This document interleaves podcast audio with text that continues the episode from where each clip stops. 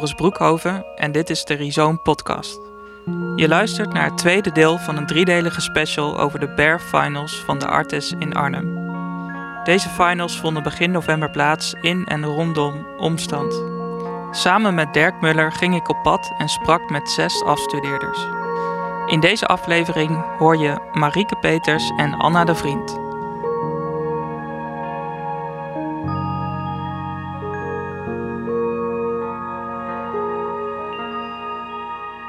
Ja, ik sta hier met. Wie ben je? Sorry, ik sta, ik sta hier met. Marieke Peters. En we gaan nu uh, jouw werk in. En daar gaan we het interview houden. Ja. Zou je kunnen omschrijven waar we nu staan? Uh, ja, we staan eigenlijk in een uh, imitatie van mijn eigen slaapkamer. Maar dan volledig omhuld in een vermomming van zwart-bruine, donkere wol. En uh, wat je hier ziet is eigenlijk een letterlijke kopie van, uh, van, ja, van mijn kamer in mijn ouderlijk huis. Waar ik was opgesloten soort van tijdens de lockdown. En dus onder deze ja, laag van bruine wol zitten dus ook al mijn eigen meubels, al mijn eigen voorwerpen uit die kamer verstopt. En um, ja, dat creëert een soort van hele vreemde, vervreemdende ervaring die tegelijkertijd toch ook heel, heel bekend en vertrouwd aanvoelt. Omdat het nog steeds ook ja, mijn slaapkamer is, die ik eigenlijk openstel voor iedereen. Ja, ja. Dus we zitten in een kleine ruimte en alles is bedekt met wol. Mm -hmm. Heeft het werk een titel? Ja, de titel is Between Whispering Walls. Oké. Okay. Tussen fluisterende muren. Ja. En uh, de titel is eigenlijk een verwijzing naar de um, de verscholen aanwezigheid soort van, van, van leven of van een ander soort leven in alle, uh, niet alleen de mensen om ons heen, maar ook de objecten en de plekken waar wij heel bekend en intiem mee denken te zijn. Dus ja, er is hier ook een performer aanwezig, waar je als toeschouwer um, ja, in het begin nog niet uh, bewust van bent. Of die zie je niet, want het is een hele, een hele donkere ruimte die ja, slechts op een paar uh, paar kleine lampjes na um, mysterieus wordt verlicht. En die performer die is eigenlijk een, ja, een, een onderdeel van de ruimte. Dus die staat niet los van de ruimte, maar die verdwijnt als het ware in de structuur van de hele kamer. Dus je ziet als, ja, als je binnenkomt in de ruimte, zie je vaak eerst een, een soort van vorm. Want de performer die draagt ook een pak dat volledig bedekt is met dezelfde uh, zwart-bruine schapenwol. Dus uh, ja, je ziet er in het, op het eerste gezicht geen mens in. Maar gewoon een soort vorm die ja, ook even goed een bed of een kast, onderdeel van de kast kan zijn. Um, totdat je ziet dat er langzaam iets beweegt en, en ademt. En je gaat twijfelen of dat nu eigenlijk, ja, of dat nu, um, ja, of dat een mens is of niet. Of ja, je gaat dan eigenlijk ook aan alles twijfelen van, ja, uh, alles wordt daarmee een beetje meer levend. En ja, die suggestie die die is heel belangrijk, die daarmee wordt opgewekt. Ja, ik, ik voelde mezelf dus heel erg een observator. Mm -hmm. en, uh, en een soort indringer bijna. In, jouw ja. in jouw kamer eigenlijk. Ja. We staan nu binnen, maar de buitenkant uh, uh, is, daar heb je, dat is met behang, behangen. ja. wat moet je anders met behang doen? Mm -hmm. Nee, ja, zou je wat over de buitenkant kunnen vertellen? Want het is eigenlijk een soort vierkante doos waar we in zitten, een grote doos. Ja, ja. ja. ja van de buitenkant uh, lijkt het, ja, weet je totaal niet wat er binnen zit. Of in ieder geval de buitenkant is inderdaad behangen met een uh, soort van paarsachtig uh, gebloemd behang. Donkerpaars behang. En dat is eigenlijk een verwijzing soort van naar, naar de binnenkant. Doordat het eigenlijk aan de ene kant is het een heel fijn en ja, bloem, bloemetjesbehang. Wat ja, ook heel ja, huiselijk en leuk aandoet of zo. Maar aan de andere kant heeft het ook een hele, er zitten heel veel donkere en duistere tinten in. Die eigenlijk ook, ja, het is ook een heel verontrustend behang, wat best wel hysterisch ook is. En het staat eigenlijk een heel groot contrast ook met de binnenkant. En ja, ik wilde eigenlijk vooral uh, een soort van omdraaien en de, um, de, het behang wat je normaal aan de binnenkant van je kamer doet, aan de buitenkant doen. Waardoor je als het ware ja, achter het behang geleid in een andere wereld. En ja, het uh, eigenlijk omkeren en zo. Dus van ja, de, de, de buitenkant eigenlijk een reflectie maken van, van de binnenkant. Waardoor je eigenlijk ja, van een andere dimensie intreedt, zo door het behang. ja, ja. ja, ik wilde het even hebben over uh, het werkproces achter Mhm. dit werk. Mhm. Want ehm, ja, het is dus allemaal wol. Ehm, Ja. En eh, ik, ik zag ook op de website beschreef je dat materiaalonderzoek een heel belangrijk, eh, belangrijke rol speelt in je werk. Kan je daar Ja. wat meer over vertellen? Ja, dit is eigenlijk een, eh, een heel groot project geweest. Wat eigenlijk begon met het, met het materiaal, met, met de schapenwol. Die had ik een keer ergens toevallig gevonden in een kringloop voor 5 euro. En toen dacht ik, oh, dat is wel heel mooi. En toen werd ik eigenlijk heel erg geïntrigeerd door soort van de hele mysterieuze en ongrijpbare aspecten van het materiaal. En ja, vond ik het heel mooi hoe het materiaal aan de ene kant heel fluffy en zacht en fijn is. Maar aan de andere kant ehm, ja, is het ook heel, door alle diepe zwart-bruine tinten die erin zitten, is het ook heel duister. En heeft het ook iets heel, ja, een hele andere sfeer in zich zitten die ik in dit werk heel erg naar voren haal. En die ik heel interessant vind ehm, ja, bij dit werk. En ehm, ja, ik heb heel erg een in- intensief eh, soort van materiaalproces altijd eigenlijk in mijn, in mijn werk. Ja, want eigenlijk deze wol die heb ik allemaal ja, net van de boer gekregen. Dus letterlijk net van het schaap af. Dus die heb ik allemaal eerst gewassen en daarna eh, met de hand gekaard. En kaarden is een soort van proces waarbij je de, bij de dierlijke vezels soort van recht trekt. Zodat alles ja, mooi en recht en fluffy wordt, zeg maar. En ehm, vervolgens vilt ik alles op, eh, op stof. Waardoor ik het overal eh, overheen kan draperen en, en vast kan maken. Dus, Dus het is de- best wel... hm? Dus de wol zit op een stoflaag? Ja. Ah ja. Ja. Oh, ja. Ja, dus het is, ja, het is echt allemaal een laag over de werkelijkheid als het ware die ik creëer. Dus ja, daarom, ja daarmee verwijs ik eigenlijk naar weer een soort van de eindeloze lagen die daaronder verborgen kunnen zitten. Of, ja. En dat materiaalproces, dat wordt een soort van heel obsessief of zo. Omdat het, eh, ik doe eigenlijk maandenlang al sinds maart steeds hetzelfde. of het is een heel monotoon proces wat ik doorga. Want het is gewoon, ja, de hoeveelheid die ik gebruik is enorm. Ja. En het kost heel veel tijd om alles te wassen en te kammen en te filten. Dus het is echt een project geweest van maanden, wat nu, ja, wat nu pas af is. Ja. Maar dat brengt me echt in een soort van ja, hele meditatieve workflow, die eigenlijk ook een soort van heel erg in het werk zit. Een soort van die, ehm, ja, dit werk heeft ook een hele meditatieve, een hele kalme, rustige sfeer. Die, eh, ja, dat, dat eigenlijk ook heel goed past bij mijn manier van werken en die, die ik hier terug in zie van de hele kalme bewegingen van de performer die zorgen dat het niet eng wordt, maar gewoon dat het ook heel fijn is aan de ene kant. Want het kan ook heel snel eng worden, zeg maar, als de, Ja. de performer wat intimiderender of wat anders, eh, wat anders zou doen. Maar gewoon doordat de performer eigenlijk hele normale dingen doet in zijn eigen wereld, in zijn eigen slaapkamer, blijft het heel, ja, ook heel fijn of zo. Woensdag waren wij hier even om naar het werk te kijken. Toen was er nog geen performer binnen. Maar toen merkte ik ook meteen dat ik dus ging voelen, omdat het is heel donker in deze ruimte. Misschien hebben we dat nog niet eens gezegd. Mhm. Mm, dus je zit, eh, dus je wordt meer teruggeworpen op je andere zintuigen dan je ogen. Ja. En, eh, dat, ja, ja, eh, dus voelen, maar ook geur. Mhm. Je ruikt gewoon de wol. Je had het over die donkere kwaliteiten van die wol. Mhm. Hoe kwam je daar achter? Want ik zie je nu voor me in jouw slaapkamertje slash studio. Ik weet niet Mhm. Mhm. hoe je, eh, of je een eigen ruimte hebt buiten huis. Ehm, ja, ik, ik, ik heb dat eigenlijk ontdekt doordat ik soort van tijdens de lockdown dus eh, geen studio meer had. Dus toen ben ik weer teruggegaan naar mijn ouders thuis. En toen, ja, toen daar zat ik best wel ja, vast eigenlijk in mijn eigen slaapkamer dus. En daar, eh, ja, daar voelde ik me zo vervreemd van en zo ver weg van. Terwijl het eigenlijk zo'n bekende plek en intieme, fijne plek zou moeten zijn. Dat ik eigenlijk ja, dat, dat gevoel wilde gebruiken voor een werk. En eigenlijk juist omdat ik geen studio had, had ik gewoon maar besloten om het ook in mijn eigen slaapkamer te maken. Dus toen ben ik gewoon eigenlijk daar gaan experimenteren. En toen, toen ontdekte ik soort van die, die aspecten van het materiaal die ik ja, verder wilde gaan, eh, ja, verder gaan onderzoeken.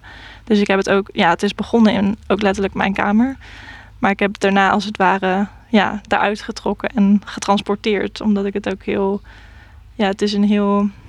Ja, het is een materiaal dat soort van voor mij bedoeld is om aangeraakt te worden. En het hoort niet op een foto of film uh, uh, te staan. Voor mij het is gewoon, dit is het werk en ik wil het graag openstellen voor iedereen. Dus daarom heb ik het ja, uit mijn kamer gehaald en hier uh, weer opgebouwd.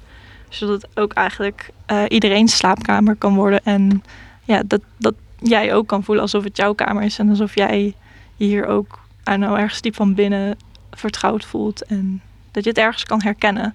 Ja. En dat vind ik heel mooi. Dat, het, ja, dat ik dat zo openbreek. Ja, uh, even heel, heel concreet. Uh, hoeveel uur zit hierin, denk je? Hoeveel uur per dag was je aan het filten en Jeetje. kaarden? Um, ja, ik maak gewoon eigenlijk werkdagen van ja, meestal 9 tot 7 of zo. Maar um, ja, hoeveel 9 uur dat uur zijn? ochtends tot 7 uur. Ja. ja, ja. En dan ja, wel een paar weekjes pauze gehad, soort van voor ja, tijdens de zomer. Maar iets van drie of zo. Maar daarvoor eigenlijk toch wel non-stop eigenlijk gewerkt voor, ja, hoe lang is het? Van maart tot oktober. Ik heb geen idee hoeveel uren, maar... Nee, nee, dat is ook een beetje Het is verbazingwekkend, maar... is verbazingwekkend veel. Het is echt... Ja. Uh, het is gestoord. ik, ja. ik weet ook dat heel veel mensen... Ja, op een gegeven moment kon ik het werk ook niet meer in mijn eentje aan. Dus heel mm. veel mensen hebben mij op een gegeven moment ook geholpen. Heel veel medestudenten ook. En nou, mijn moeder die heeft op een gegeven moment het wassen van de wol overgenomen. Dus die heeft mij ook ja, heel veel ja, enorm geholpen. En veel medestudenten die kwamen soms even mijn studio in om even een uurtje wol te kaarden of te filten of om mij eventjes een beetje te helpen. en dat scheelt toch wel weer enorm. En die zeiden ook dan tegen mij van, oh, vind je het niet uh, saai of wordt niet monotoon? Maar ja, voor mij is het juist die monotoniteit of die soort van herhaling die voor mij heel erg een drive is. En die mij heel erg, uh, ja, voortstuwt eigenlijk. Hoe was het voor jou om af te studeren tijdens corona? -hmm. um, ja, het was uh, wel een lastige periode. Uh, heel, heel intens ook. Maar ik heb er ook denk ik heel veel uit kunnen halen. Voor mijn werk was het eigenlijk heel goed juist om op deze manier... Um, ja, om eigenlijk zo geforceerd te moeten worden om creatief te zijn en gewoon ja, andere manieren van werken te ontdekken. Want anders had ik dit werk misschien helemaal niet gemaakt. En ja, eigenlijk juist daardoor ben ik eigenlijk op, op dit werk gestuurd of op dit idee gestuurd. En dat vind ik eigenlijk wel heel mooi ook. Dat ik nu ook gewoon besef van, oh, ik kan eigenlijk ook gewoon werken in mijn eigen huis of daar werken in integreren op, op andere plekken dan gewoon in een, in een white cube. Of dat was voor mij ook heel spannend om gewoon een hele vreemde kamer, een wollen kamer, in een soort van normaal functionerend huis te zetten. Wat eigenlijk dat hele huis en de normaliteit ervan helemaal verstoord en ontregeld. Dat, ja, dat brengt me eigenlijk ook wel veel nieuwe ideeën. En ik heb wel zin om daar eigenlijk ook mee verder te gaan. Dus ik denk dat het voor mijn werk ook veel goed heeft gedaan. Maar ja, het was echt ook zeker wel ja, gewoon heel zwaar en moeizaam soms. Omdat je echt, ja, je hebt zoveel tegenslagen. Maar we krijgen er wel best wel een harde huid van allemaal. Dus ik denk dat we nu ook wel best wel veel gewend zijn in die zin. En dat ja, dat het ook een goede voorbereiding is op gewoon ja, onze autonome kunstpraktijk hierna. Dus dat je echt ja, gelijk soort van uit de schoolbubbel wordt getrokken. Ja. En al, uh, ja, al voor jezelf moet gaan beginnen. Dus in die zin hebben we wel een goede start daarmee gemaakt. Dus dat was voor mij wel heel prettig. Voordat je, uh, want ik, ik heb geen eerder werk van jou gezien, maar heb je in eerder werk ook op vergelijkbare manier heel intensief met materiaal gewerkt? Ja, ja ik, werk, ik heb eigenlijk altijd wel zo'nzelfde soort proces waarbij ik eigenlijk het heel fijn vind om iets voor een hele lange tijd te doen. Vaak dezelfde hele ja, repetitieve handelingen die ik voor een lange tijd doe. Waardoor, uh, ja, waardoor ik helemaal in het werk word gezogen. En dat ook mijn werk soort van conceptueel heel erg voedt. Dus in mijn vorige werk heb ik bijvoorbeeld um, uh, gewerkt met, uh, met kleiveel. En toen heb ik ja, een soort van honderden ogen van klei gemaakt. En die heb ik bevestigd op uh, een pak dat draagbaar is. En uh, ja, in combinatie met andere pakken die ook ja, tevens draagbaar zijn, maar ook gewoon leeg kunnen zijn.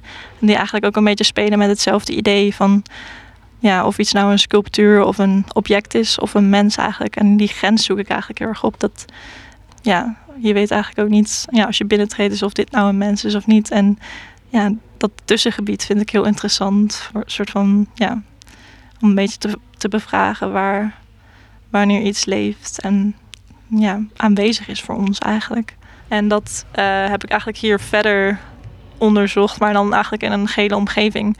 Dus niet alleen ja, de menselijke aanwezigheid hier, maar een soort van alles hier wordt een levende en ja, aanwezigheid. Een soort van de kamer zelf is bijna eigenlijk een, een entiteit die, uh, waarin alles soort van ja, bijna ademt. Of in ieder geval de wol doet mij ook heel erg denken aan alsof alle, alles zachtjes kan bewegen en alsof alles soort van ook meeademt met de performer. Wat ik nog afvroeg, ja, dat verborgene, wat, je daar, wat trekt je daar zo in? Ik ben eigenlijk altijd heel erg geïnteresseerd of heel erg, ik voel me heel erg aangetrokken tot uh, het verlangen naar me heel, met me te verbinden tot de mensen en dingen en uh, plekken om mij heen, waar ik eigenlijk aan de ene kant heel dichtbij voel, maar aan de andere kant voel ik ook zoveel afstand soms. Alsof ik, ja, hoezeer ik het ook probeer, ik nooit, ze nooit helemaal kan begrijpen. En dat maakt me zo melancholisch of zo. En zo, ja, ja dat gevoel en dat verlangen, dat, dat drijft mijn werk heel erg. Een soort van het verlangen me te verbinden en te, de wereld om me heen te begrijpen. En voor mij zit er dus namelijk heel veel, heel veel verborgen, dus eigenlijk in in de dingen en mensen om mij heen. En dat, dat verborgen heeft voor mij heel veel potentie. Waar, eigenlijk, ja, waar je eigenlijk heel veel uit kunt halen als je daar uh, de nadruk wat meer op legt. Of als je daar wat meer naar zoekt. En dat daar uh, heel veel mogelijkheden zitten die voor veel uh, nieuwe dingen kunnen zorgen. En ja, dat wil ik eigenlijk graag. Ja, daar wil ik graag de nadruk op leggen. Op die andere aspecten die je normaal niet ziet, maar die veel ja, misschien ook wel veel duistere kanten in zich dragen, maar ook veel mooie en hoopvolle dingen in zich dragen. Ja, ja in die zin heeft het werk letterlijk veel lagen, maar ook uh, conceptueel uh, en, en, en echt tegenstellingen. Wol, -hmm. zacht en uh, dat vervreemdende, maar toch je eigen slaapkamer. Ja, daar speel je wel, uh, wel mooi mee, ja. vind ik. Ja, dankjewel. En ja, nogmaals, ik hoop echt dat, het, dat je het nog ergens anders kan uh, ja. laten zien en neerzetten. Ja. ja. Ja. ja. Want op foto's, uh, ja, het is, ja, kom, is het toch heel anders dan hier middenin zitten. Ja, ja, het is echt een werk wat eigenlijk echt de ervaring is super belangrijk. Of in ieder geval ja. inderdaad, je doet je schoenen uit voordat je binnenkomt. Dus je voelt je voelt de wol letterlijk overal om je heen. En je, ja, wordt als kijker niet verteld dat je niks mag aanraken. Dus je wordt ook eigenlijk een beetje ja, uitgedaagd of je misschien ja, wat aan mag raken. En ja, het is heel uitnodigend om te voelen. En de temperatuur is hier net iets warmer. Het licht is super donker, wat je eigenlijk forceert om langer te blijven. Zodat je meer kan zien en je ogen gewend raken aan het licht. Ja. En um, ja, de geur is heel, ja, ook heel, heel aanwezig. Die zorgt ook voor... Ja. ja, eigenlijk alles werkt heel erg in op al je senses en ja. ja. activeert heel veel verschillende dingen in, je, uh, in de sfeer van het werk. En dat, um, ja, dat voel je niet in een foto. En dat, ja, daar, dat vind ik ook nog heel lastig om, dat om dit werk te documenteren. Want het is, ja, dit is het werk zoals we hier nu zitten. Dat, ja. dat ervaar je niet via film of foto. Dat, uh, ja, ja. ja. En je zei al iets over dat dit werk je weer aan heeft gezet tot nieuwe ideeën? Mm-hmm. Ja, um, ik zou wel graag. Um, in ieder geval, ja, het zijn nog alleen maar fragmenten en nog niet echt concrete plannen of ideeën. Maar ik zou wel graag verder willen werken eigenlijk met het concept van het huis en het huiselijke in contrast met soort van uh, ja, het hele vervreemdende dat daar ergens onder en inge, ja, onder verborgen ligt. En om daar meer ja, onderzoek naar te doen, ook letterlijk in het huis.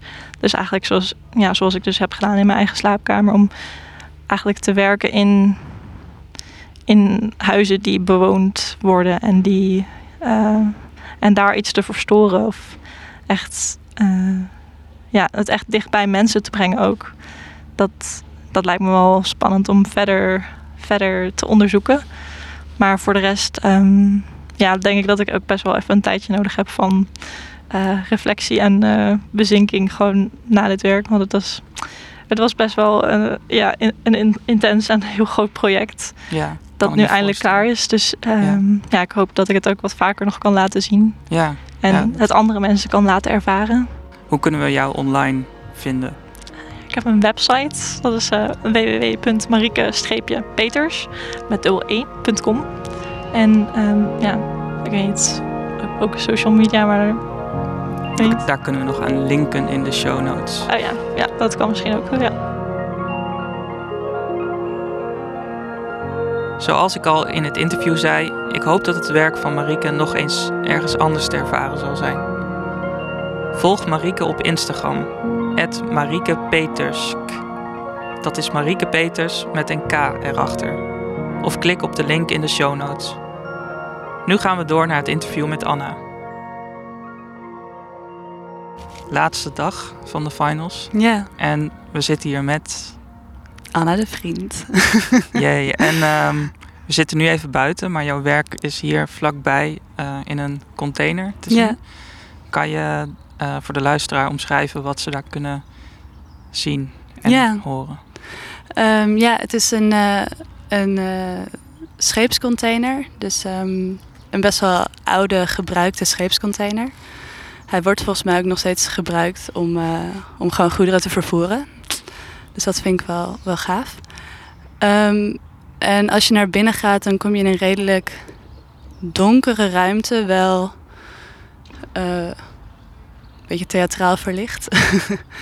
Ehm, en daar vind je de, de Sheep Lady, dat ben ik. Ehm, en Marie, eh, mijn hondje van mij en Elisa. In een hele hoop wol. Wat, wat fotootjes aan de muur. Er hangt, een, er hangt een grote industriële wasbak aan het plafond. Vanaf het plafond. Ja, en het is een beetje een ruimte waar, eh, waarvan het lijkt dat, dat de Sheep Lady daar redelijk Daar komt het hondje, Daar is ze. Nee, liefie. Ehm, waarvan het lijkt dat de sheep lady daar, daar, eh, daar woont bijna. Of in ieder geval veel is. En eh, om nog even aan te vullen, ehm, er staan drie stoelen geloof ik voor bezoekers met koptelefoons Ja, en een radiootje. ja, En eh, mensen kunnen die koptelefoons opzetten en dan horen ze alles wat in de ruimte gebeurt versterkt. ja. Ja, het werk heet eh The Crazy Sheep Lady. En eh, waar gaat het werk over? De werk heet inmiddels de sheep lady, zonder de Oh. crazy. maar dat is niet erg. Ehm, ja, de sheep lady eh, shipping container in dit geval. Het is een, het is een performance series inmiddels bijna. eh, die eigenlijk is ontstaan tijdens de, de eerste quarantaine waar we met z'n allen in moesten. Ehm, en waarin eh, de Sheep Lady performt op, op verschillende plekken met, met een bepaalde zeggingskracht van zichzelf. Ehm, dus ja, er is nu een Sheeping Lady, eh, de, de Sheep Lady milking parlor in een, in een oud ehm, melklokaal waar vroeger koeien werden gemelkt. Er is er eentje in eh, Italië, in Biella, eh, waar we waren voor ons artistic research. Ehm, en nu dus hier in de, in de shipping container. En het is een werk eh, wat is ontstaan vanuit een research-based proces. Ehm, waarin ik eigenlijk onderzoek heb gedaan naar de systemen die er zijn rondom hiërarchieën tussen mensen en dieren. En waar ik heel erg geïnteresseerd in was, was ehm, hoe het mogelijk is dat we plekken als eh, een industrieel slachthuis, dat die plekken bestaan ehm, als redelijk groot onderdeel van onze, van onze maatschappij. Ehm, hoe het mogelijk is dat in die plekken de mensen kunnen doen wat ze doen en wat voor systemen er omheen werken die dat mogelijk maken. En ook hoe die systemen vervolgens heel erg uitvergroot en absurd bijna zijn in die plekken zelf. Maar zodra je daar buiten gaat, je ze alsnog eh, een beetje overal doorheen ziet verweven. dus vanuit, vanuit dat onderzoek eh, is dit werk eigenlijk ontstaan. Maar we hebben eigenlijk nog, we hebben net de ruimte beschreven, maar nog niet wat daarin gebeurt. Ja. Eh, ja. Want jij ehm, performt daar de Crazy Sheep Lady. En eh, of, ik weet niet hoe je dat, of je dat zo noemt. Eh, jij bent de Crazy Sheep Lady in eh, Ja. die ruimte. En wat doe je?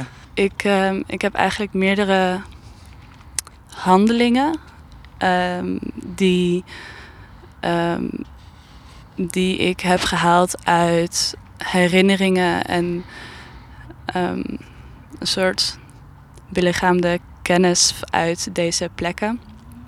Dus eh, slachthuizen, maar ook dierentuinen. Eh, en ik heb teksten. Dus ik heb, ik heb die, ehm, die fragmenten van de, van de CEO en de schoonmaker en, en de directrice van de dierentuin. Ehm, en die, ja, die, die doe ik eigenlijk ongoing gedurende de dag. Ehm, en het publiek eh, kan, kan blijven zitten hoe lang ze willen eh, met een koptelefoon op. Ehm, en op die manier eh, zoveel mogelijk in de ruimte komen en er zijn. Ehm, maar dat zijn handelingen als eh, de vloer schoonmaken met een, een radio aan. Ehm, ik heb gazing up, gazing down. Dat werk zit er eigenlijk een klein beetje in. Want ik heb zelf een kalfshoofd gemaakt van stof die ik scheer. En ik heb eh, ehm, een foto ehm, die ik eigenlijk stuk voor stuk print. dat klinkt vaag, maar is moeilijk uit te leggen. Ehm, dus, maar dat is een foto die eigenlijk gedurende de performance een beetje ontstaat. Ja. En dan die teksten, dat, zijn, dat is het eigenlijk. Maar soms zit ik ook een, een half uur eh, gewoon naast, naast Marie, het hondje. Ja. En hoe ziet de, eh, de Sheep Lady eruit? Ja. Ehm, ze heeft. eh, ik heb een, eh, een kostuum gemaakt van, van schaapswol uit, uit Italië. En dat, dat schaapswol heb ik niet gewassen. Dus dat is ehm, nog precies hoe het, hoe het van het schaap afkomt, zeg maar. Ehm, en dat is, ja, dat is een kostuum met, met lange mouwen en een korte broek. En het is ehm, ja, best wel groot. Ehm, en, eh, en mijn benen heb ik eh, rood geverfd. Eh, ja, ik had een, ik had een eerder werk van jou gezien ook. Met, even kijken, dat, Gazing Up, Gazing Down. Oh ja. Ehm, en ik, dat lijkt ook hieruit, of onderdeel te zijn van Ja. dit onderzoeksproces. Ja. Zou je dat werk even kort willen beschrijven? Ja. ja, in dat werk zie je ehm, een beeld dat ik heb gemaakt in een, in een, veel kleiner slachthuis eh, in Italië. Van een, een kalfshoofd eh, wat geschoren wordt. Ehm, best wel vakkundig en bijna, bijna zorgzaam. Eh, en dat, dat beeld is van, van redelijk bovenaf gefilmd. En daarnaast heb ik een beeld gemaakt van ehm, vanuit het oog van dat kalf gefilmd, zeg maar. Dus waarin je, en ik, ik ben daarin degene die het kalfshoofd eh, dan scheert. Hoe, hoe kom je in die plekken terecht? Even heel eh, ja, ja, praktisch. ja, Hoe snap kom jij ik. Ehm, ja, het is eigenlijk ehm, veel mailen. Eh, ik, ik doe eerst heel veel rondkijken op internet, wat er, wat er zoal te vinden is. En dan kom je echt wel achter best wel veel. Ehm, en dan gewoon kijken wat voor e-mailadressen je kan vinden die zo, zo hoog, hoog mogelijk zijn, zeg maar. Ehm, dus hogere functies in dit soort Ja, plekken. En dan ehm, mail ik met een verhaal dat ik een, eh, een kunststudent ben. dat, ik, eh, dat ik onderzoek doe naar, naar deze plekken, omdat ik eh, zonder, zonder enige, hoe zeg je dat? Vooroordelen. Ehm, dat, ik, dat ik gewoon geïnteresseerd ben in deze plekken en ook in, eh, ja, in, in eigenlijk in de wereld daarachter. En wat wel heel erg opvallend was voor mij, was dat in, in veel van deze industriële grote slachthuizen in Nederland eh, mensen daar best wel open voor stonden, eigenlijk. Ehm, en ik, uh, en ik ja, gewoon ben uitgenodigd. Gesprekken kon hebben met, met de CEO, de schoonmaker. En die het eigenlijk best wel fijn vonden om hun verhaal te doen bijna. om gewoon te, te praten over hun vak. Wat ze waarschijnlijk best wel ja, wat ze, waar ze waarschijnlijk weinig kans voor krijgen om het over te hebben, ja. maar wel belangrijk vinden. Ja, dus, want, uh, want die gesprekken heb je ook opgenomen. Ja. Um, of tenminste, uh, ik heb die, een stukje van die livestream teruggekeken in het ja. melklokaal. En dan hoor je fragmenten van die gesprekken ja. terugkomen. Ja, klopt. Uh, dat geeft, dus dat geeft wel een extra laag ook ja. aan het werk. En ik, ja, het is wel heel interessant om, om vanuit dat perspectief daarna te kijken. En niet meteen heel activistisch um, ja. erin te stappen misschien.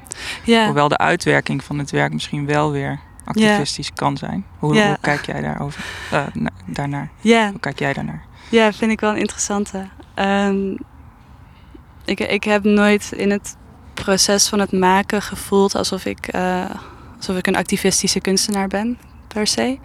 Ook omdat ik heel erg. ehm, ik hou heel erg van dat grijze gebied. eh, waarin dingen ambigu en onduidelijk zijn. Ehm, wat niet betekent dat ik vervolgens ehm, het, hoe zeg je dat? Wat er gebeurt op deze plekken, dat ik dat ambigu vind. Want ik, ehm, ik het, is niet, het is, voor mij staat het redelijk buiten discussie dat dit soort plekken eh, niet oké zijn. Die zouden niet moeten bestaan. Maar ehm, dat grijze gebied van, van eh, wat voor mensen er werken, hoe ze er kunnen werken, hoe dit soort plekken kunnen bestaan, ehm, wat voor systemen daaruit komen, dat is, dat is allemaal een stuk gecompliceerder ehm, dan een narratief wat je als, ehm, als activist misschien naar buiten zou brengen. Dus wat dat betreft, eh, ook inderdaad wat ik gebruik, de, die teksten van die CEO en de schoonmaker. Ehm, en ik heb ook een, een directrice van een eh, dierentuin tekst die ik gebruik. Drinken jullie nog een kop koffie voor je naar binnen gaat? Nog melk of suiker? Ik herken wel wat je zegt. We zijn aan de ene kant heel open. En aan de andere kant zijn we juist weer heel ingetogen over hoe we ons in de markt zetten, omdat het, nou ja, schaamte is niet het goede woord. Maar ik denk wel dat de meeste mensen er een bepaald beeld bij hebben. Bij het verwerken en slachten van vee. En dat is niet altijd positief. Als ik op een verjaardag vertel dat ik een vleesverwerkingsbedrijf heb, waar ook geslacht wordt, dan draait de helft van de mensen zich om. Die denken nou, dat is niet interessant. Daar wil ik het niet over hebben, dat vinden ze dan griezelig of spannend, terwijl ik eigenlijk, weet je, we maken mooie producten. Dieren moeten sterven voordat wij er vlees van kunnen maken. Dat realiseren wij ons ook heel goed. Maar als je kijkt naar hoe wij dat met onze mensen, die daar altijd weer een prachtig product van weten te maken, dan mag je best wat meer laten zien en horen. Maar vaak is het negatieve juist in beeld. En dan krijg je het positieve er bijna niet doorheen. Daarin wil ik ook heel graag, soort van om die, door die teksten een beetje te fragmenteren en uit context te halen. Eh, en door de Sheep Lady te laten voorlezen, hoop ik ook ehm, dat een beetje te laten zien. soort van die, die, die, dat narratief te kunnen horen op een compleet andere manier. Waardoor je er anders naar zou kunnen kijken. Ehm, maar dat is wel. Dat voelt voor mij wel anders dan, dan zeggen: eh, dit klopt niet, we moeten het zo doen. Ja, het brengt wel eh, ook een beetje de menselijkheid terug bij de mensen die in die sector werken. Ja. Ehm, in plaats van het heel polariserend neer te zetten. ja. Maar even om op jouw vraag terug te komen, hoe kunnen deze plekken bestaan? Heb je daar eh, antwoorden op gevonden? Ehm, ik heb. Ik weet niet of ik er antwoord op heb, maar ik heb wel. Er zijn wel wat dingen waar ik achter ben gekomen. ik denk een groot onderdeel van hoe, hoe deze plekken kunnen bestaan is, ehm, is heel erg het narratief wat wordt gebruikt, zowel in deze plekken als wat er naar buiten wordt gebracht. Ehm, en dat narratief is, is gecentreerd rondom uh, rationaliteit um, en controle. Dus als je kijkt naar bijvoorbeeld de websites van, van hele grote slachthuizen, dan ga je veel dingen zien als uh, quality controlled, hygiene uh, regulations. uh, het gaat heel erg, heel erg om, om de praktische, rationele kant ervan. Um, en ik denk dat dat een hele effectieve manier is om vervolgens de, de non-human animals, de dieren in die situatie, um, als de ander te maken. En op zo'n manier zo effectief als de ander te maken dat, uh, dat, ja, dat het objecten worden. Eigenlijk. Ja, eigenlijk bijna een heel technisch verhaal. En Ja. niet wij, slag, wij doden hier andere niet-menselijke dieren Ja, voor ons beroep. ja, Ja. precies. Ja, en ik, maar wat, ook, wat mij dan ook vervolgens opviel. Want ik, ik ging natuurlijk van buiten naar binnen, zeg maar. Dus mijn onderzoek begon heel erg op het internet. En, en hoe, hoe dat narratief naar buiten toe was. Met, met het hygiëne, controle, rationaliteit. Maar dan vervolgens in die plekken voelt het bijna een beetje desperate hoe hard daaraan vast wordt gehouden. Terwijl je op plekken bent maar als je, als je dat narratief niet in je hoofd hebt gestampt en rondkijkt, is het pure chaos eigenlijk. Um, superveel bloed, geluid. Uh, gewoon hele heftige plekken. Uh, wat je natuurlijk wel kan bedenken, maar wat, wat dan opeens een hele, heel raar contrast is met hoe, um, hoe er over wordt gepraat en nagedacht en hoe het wordt gemarket eigenlijk. Um, en vervolgens ja, dat is denk ik ook wat ik heel erg terug wil brengen in mijn, in mijn performance. Is de absurditeit van, van die rationaliteit zo hard vast willen houden. Op een plek waar, uh, waar duidelijk wordt dat het echt een heel, heel dun laagje is over de, over de chaos eigenlijk. Ja. En heb je in, de, in je onderzoek van binnenuit ja, die mensen die daar werken bijvoorbeeld wat beter leren begrijpen? Um, ja, maar ik denk dat dat, dat, het nooit uh, het probleem was bijna. Um, want het is, het is makkelijk. Die CEO bijvoorbeeld, waar ik een gesprek mee had. Um, als je met zo'n persoon praat, dat zijn geen uh, super vreemde, rare, monsterlijke mensen of zo. dat zijn hele dat was een, heel, een hele normale man met een, weet je wel, met een baan die goed verdiende. Um, en ook de, de mensen die daar werken zijn vaak um, mensen uit het buitenland die, die slecht betaald worden, die, die een baan nodig hebben. Dus dat, ik denk dat het voor, voor mij nooit was van wie, wat voor mensen zijn dit? Uh, maar meer ja, meer inderdaad hoe, hoe werkt dat narratief in hun hoofd dat dit kan. Um, en dat is ook meteen een beetje het, het wat engere eraan bijna. Want als, als die CEO, uh, weet je wel, bijna een Trump-achtig figuur zou zijn geweest. Of een, een soort um, iemand die je die wat dat betreft uh, belachelijk kan maken. Of, of um, compleet ook als een ander neer zou kunnen zetten. Dan zou het allemaal veel simpeler zijn. Weet je wel, dan kan dan. Dan is het een. Ja, een makkelijker iets om over na te denken. Maar omdat het zo'n normaal persoon is die je buurman kan zijn, um, is het zo. Is het zoveel normaler dat dit gebeurt. En dat is, dat is een beetje het enge eraan, denk ik. Uh, heeft het ook niet te maken met dat zo'n organisatie heel groot is en dat zo'n CEO heel ver weg zit, letterlijk denk ik ook, van de werkvloer. En dat mm. de mensen op de werkvloer. Ja, nu gaan we misschien heel, polit of heel politiek. Uh, uh, ja, heb je dat ook gezien? Ja, het is wel een goede vraag. Het is, ja, ik denk dat het, dat het klopt. Maar ook in een slachthuis zelf heb je um, verschillende gedeeltes, zeg maar. Dus, en dat, dat, die gedeeltes volgen eigen, eigenlijk het, het pad van zo'n dier wat binnenkomt. Um, dus zo'n dier wordt steeds verder geabstraheerd naarmate het in een, in een uh, verpakking komt, zeg maar. Dus je hebt, het begint bij, bij het vieze gedeelte, dat wordt dan het schone gedeelte bijvoorbeeld. En het vieze gedeelte is waar, dat, dat heet ook echt zo, dat is dan waar, waar het dier wordt doodgemaakt en waar de, de huid ervan af wordt gehaald. Ehm, dus ik denk dat, dat in, zo'n, in de structuur van hoe een slachthuis of een vleesverwerkingsbedrijf op die manier in elkaar zit, zit al heel erg een bepaalde hiërarchie van wie waar werkt. En ook als je, uh, als je een werker bent, daar doe je één ding de hele dag. Um, het is niet alsof je, alsof, weet je wel, als je zodra je op het punt zit waar, waar de dieren niet meer worden doodgemaakt, ga je dat ook niet per se zien. Um, dus ik denk zeker dat zo'n CEO dat wel weet en ziet, maar het is heel makkelijk om daar niet te veel mee bezig te hoeven zijn. Want hij is niet degene die de hele dag um, ijzeren pinnen door het hoofd schiet van een kalfje. Um, wat dat betreft. ja, ja, ja, En ze komen dus in het vieze gedeelte binnen en gaan in het schone gedeelte weg. Ja. Ja, dat is ook weer een, een narratief bijna. Ja. Of, uh...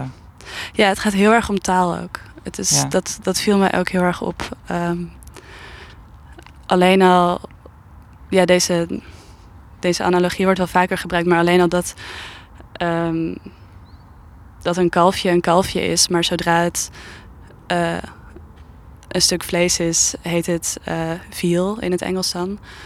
Dus dat, dat, alleen al zeg maar dat het wordt geabstraheerd in hoe wij praten over, over dat stuk vlees. Um, is en kan heel groot onderdeel wat ook buiten het slachthuis een groot, grote rol speelt. En hoe kwam de, de, uh, de sheep, sheep Lady tot stand? Niet meer de Crazy Sheep Lady. Maar... um, het werk wat ik maakte en het onderzoek wat ik deed, stond super dicht bij mij natuurlijk. Um, maar was, werd heel erg, ging heel erg de buitenwereld in als, als bijna onpersoonlijk. Als, als bijna iedereen had dit onderzoek kunnen doen. En ik begon mij af te vragen waarom, waarom er zo weinig van mijzelf in zat. En tijdens uh, het artistic research en, en verschillende dingen lezen kwam ik erachter dat dat waarschijnlijk komt omdat er ook een bepaald narratief is rondom uh, vrouwen die veel geven om non-human animals. Um, en dat dat narratief heel erg te maken heeft met sentimentaliteit en um, emotioneel zijn en dingen niet aankunnen. Uh, en toen ik daarachter kwam, had ik zoiets van: oh, vandaar. dat ik alles, dat ik, dat ik bijna ook in, in de dingen die ik schreef, de onderzoeken die ik schreef of de, de werken die ik maakte, uh, zelf die rationaliteit uit het slachthuis bijna één op één kopieerde. Um, omdat ik niet, onbewust niet, op, zo neergezet wilde worden. En toen ben ik daar meer in gaan duiken waarom, waarom het zo is dat vrouwen die. Uh, dat, dat de relaties die vrouwen hebben met dieren uh, als heel erg trivial worden gezien. Um, en toen had ik eigenlijk iemand nodig om dat, om dat mee te onderzoeken. Um, en dat, dat wilde ik niet allemaal op mezelf plakken. Dus heb ik de Crazy Sheep Lady bedacht. En zij heette, in eerste instantie heette zij de Crazy Sheep Lady omdat, um, omdat ik het, het fenomeen van de Crazy Cat Lady heel erg interessant vond. Um, en, en ik als kind uh, lammetjes adopteerde van schapenboeren. Um, dus toen heb ik dat eigenlijk ge gecombineerd. Ja, dus zo, zo is ze eigenlijk ontstaan. En, dat, en toen ik haar had om over te schrijven. En uiteindelijk kreeg zij ook een kostuum. En had ik, heb ik foto's met haar gemaakt. En uh, eigenlijk begon het steeds... Ja, begonnen dingen steeds meer op hun plek te vallen. En is dat uh, crazy? Uh, je zei net dat je dat eruit hebt gehaald. Ja. Maar je zei net dat vrouwen dan op een bepaalde manier... vrouwen die gevoelig zijn voor... Um, hoe er met dieren wordt omgegaan in de maatschappij, die worden op een bepaalde manier neergezet. Uh, en daar zou dat woordje crazy dan, ja. dat zou dat samenvatten. Ja. Um, dus ik snap dat je het erin hebt gedaan. Waarom heb je het weer eruit ja. gehaald? Ja, um, ja dat, dat gebeurde eigenlijk in de vertaalslag naar um, het werk maken. Dus de, de Crazy Sheep Lady was, was heel erg uh, wat ik gebruikte in, in schrijven en, en lezen en nadenken. En toen ik vervolgens, ehm, toen ik vervolgens bezig ging met, met de performance, wilde ik, wilde ik dat, het, dat ik de publiek, het publiek uh, zoveel mogelijk handvaten geven om zich wel te verbinden met, met de Sheep Lady en met, met de, de ruimte. En zodra je iemand crazy noemt, is het heel erg makkelijk om, om er naar te kijken als een spektakel. Um, dus, maar ik vond het wel een lastige beslissing, omdat het zo. Uh, inderdaad, het, het vat zo goed samen, um, dat woord. Ja, want je kan het ook weer zien als kritiek op dat narratief. Ja, precies. Uh, laten we even kort naar hoe corona. Ah, ja. uh, hoe de coronatijd voor jou is ten aanzien van je afstudeerwerk maken. Ja. Um, hmm. Ja, het is heel vreemd geweest. Het, is, het is constant aanpassen. wat, wat aan het begin heel erg lastig was en wel steeds makkelijker wordt. Maar je hebt, ja, voor mij, ik heb dan een bepaald idee en beeld in mijn hoofd van hoe een werk eruit gaat zien. Um, en dat, dat kan echt van week tot week veranderen naarmate uh, er coronamaatregelen bij of, of niet bij komen. Um, maar de, de quarantaineperiode in maart was dat volgens mij. Dat was ook alweer een moment waar, waar dit werk echt heel veel ruimte heeft gekregen om te ontwikkelen. Um, en eigenlijk door die quarantaine heeft het ook wel meer tijd en lucht gekregen bijna. Heb je het idee ja. dat het hier nu meer uh, compleet staat, uitontwikkeld? Ik denk, ja, ik denk het wel. Ja. ja, dat horen we ook van de anderen die we hebben geïnterviewd. Ja? Dus dat is wel interessant. Ja. ja. Um, en wat zijn jouw uh, uh, uh, plannen voor de nabije toekomst? Um, ik zoek een, een atelierruimte. Dus als iemand iets weet, let me in welke know. stad? Um, Arnhem. Ik blijf voorlopig nog even in Arnhem. Ja. Altijd goed als kunstenaars in Arnhem blijven. Ja, ja ik vind het uh, fijn hier. Dus ja, ik zoek in Arnhem een atelierruimte. Ik, uh, ik doe mee aan, aan het Master Apprentice Project van uh, Kunstpodium T. Um, dus daar heb ik heel veel zin in. En ja, ik, ik, heb, ik heb heel veel zin om, om aan verdere projecten te beginnen eigenlijk. Wel voortbouwend op, op waar je al mee bezig bent? Ja, zeker. Het gaat, het gaat voorlopig nog wel uh, in ieder geval rond deze onderwerpen draaien. Ik weet niet of ik meteen doorga met de, de Sheep Lady, maar ze zou overal wel ergens in zitten.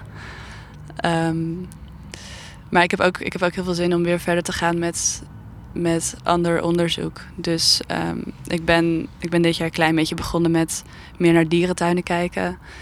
Um, ik heb heel veel zin om daarmee verder te gaan, maar ook um, in contact te komen met mensen die uh, exotische huisdieren houden, bijvoorbeeld. Um, ik heb heel veel zin om weer een beetje fieldwork te gaan doen, eigenlijk. Dus het dier, men, sorry, de dier, niet-menselijke dier, nee, de niet-menselijke dier, menselijke dierrelaties. Ja, ja dat is die ja. blijf je onderzoeken. Ja, zeker. Ja. ja. Okay. ja. Uh, waar kunnen we jouw werk online zien? Uh, mijn website is www.annadevriend.com en ik heb een Instagram, Anna de Vriend. Uh, ja, dat was hem. dankjewel, dankjewel. Bedankt voor het luisteren naar het tweede deel van deze special over de Bear Finals. Ik wil Marieke en Anna bedanken voor hun medewerking. Aan deze aflevering werkte mee Joris Broekhoven voor het interview en de edit, Dirk Muller voor de assistentie bij het interview en Robin Speyer en Marieke Polderdijk voor de feedback. Meer informatie over Rhizoom vind je op onze website rhizoom.art. Volg ons op Instagram rhizoom. En als je deze podcast leuk vindt, abonneer je dan op ons kanaal op Spotify of Soundcloud. Joejoe! Tot volgende keer!